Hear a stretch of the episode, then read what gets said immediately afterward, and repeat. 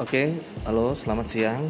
Eh, siang ini saya bersama Feriansa, se- seorang dosen Universitas Negeri Medan. Hari ini ia akan menjelaskan ringkasan buku Yuval Noah Harari yang berjudul 21 Lesson for the 21st Century atau kalau diterjemahkan secara bebas pembelajaran 21 untuk abad 21 buku yang menarik dan hari ini juga banyak dibincangkan oleh ilmuwan. Untuk mempersingkat waktu saya kira saya akan menanyakan langsung eh, buku yang telah dibaca oleh Mas Feriansa. Halo. Mas Feriansa. Ini kaku banget sih.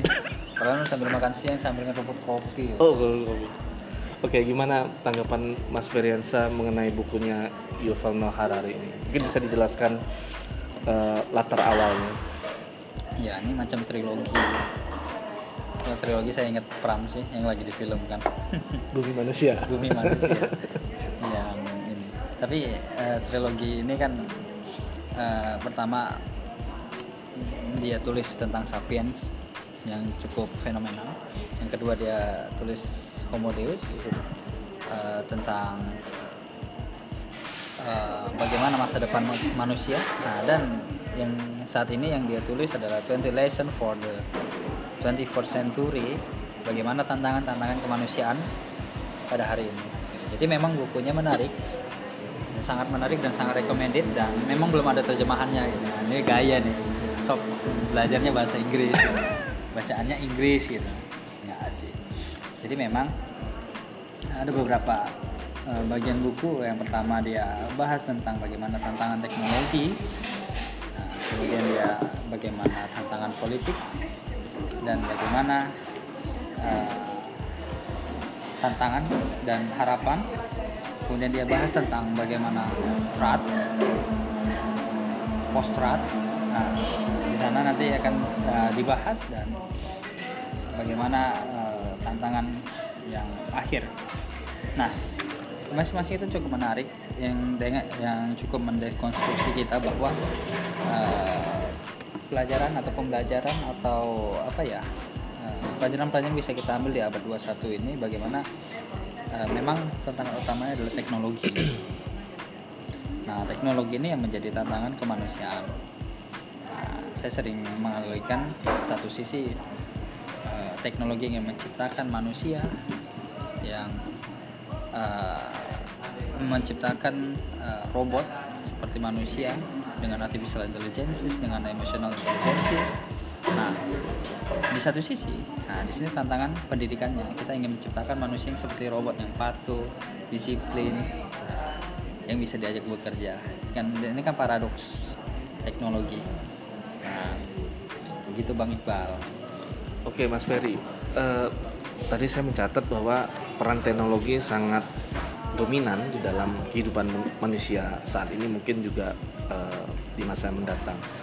Eh, bagaimana seorang Yuval Noah Harari itu meramalkan kemanusiaan itu sendiri? Apakah ada semacam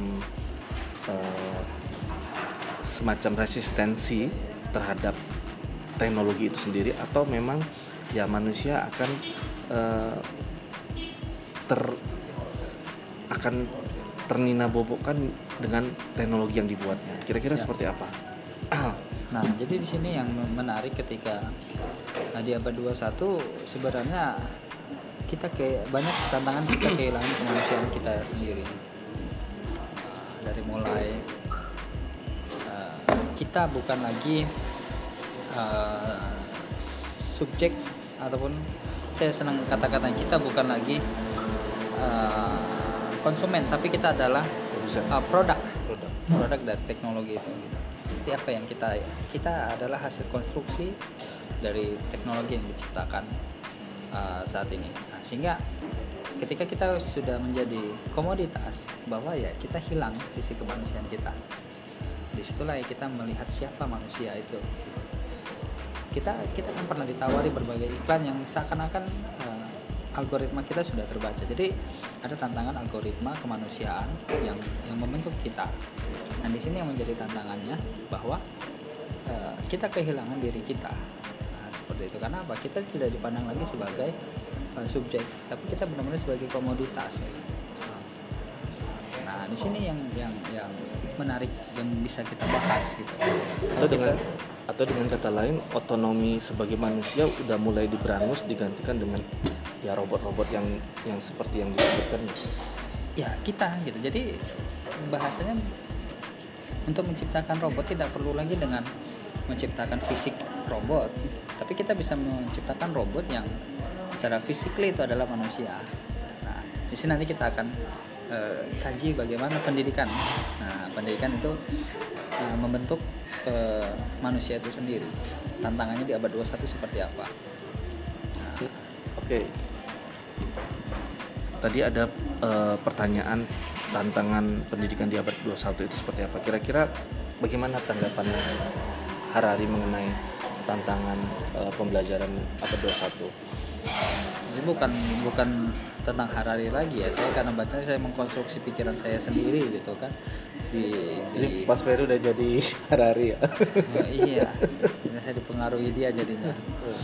Nah, dalam artian uh, di di masa yang saat ini kita ingin uh, membentuk benar-benar manusia yang mampu uh, otonom. Nah itu di sini.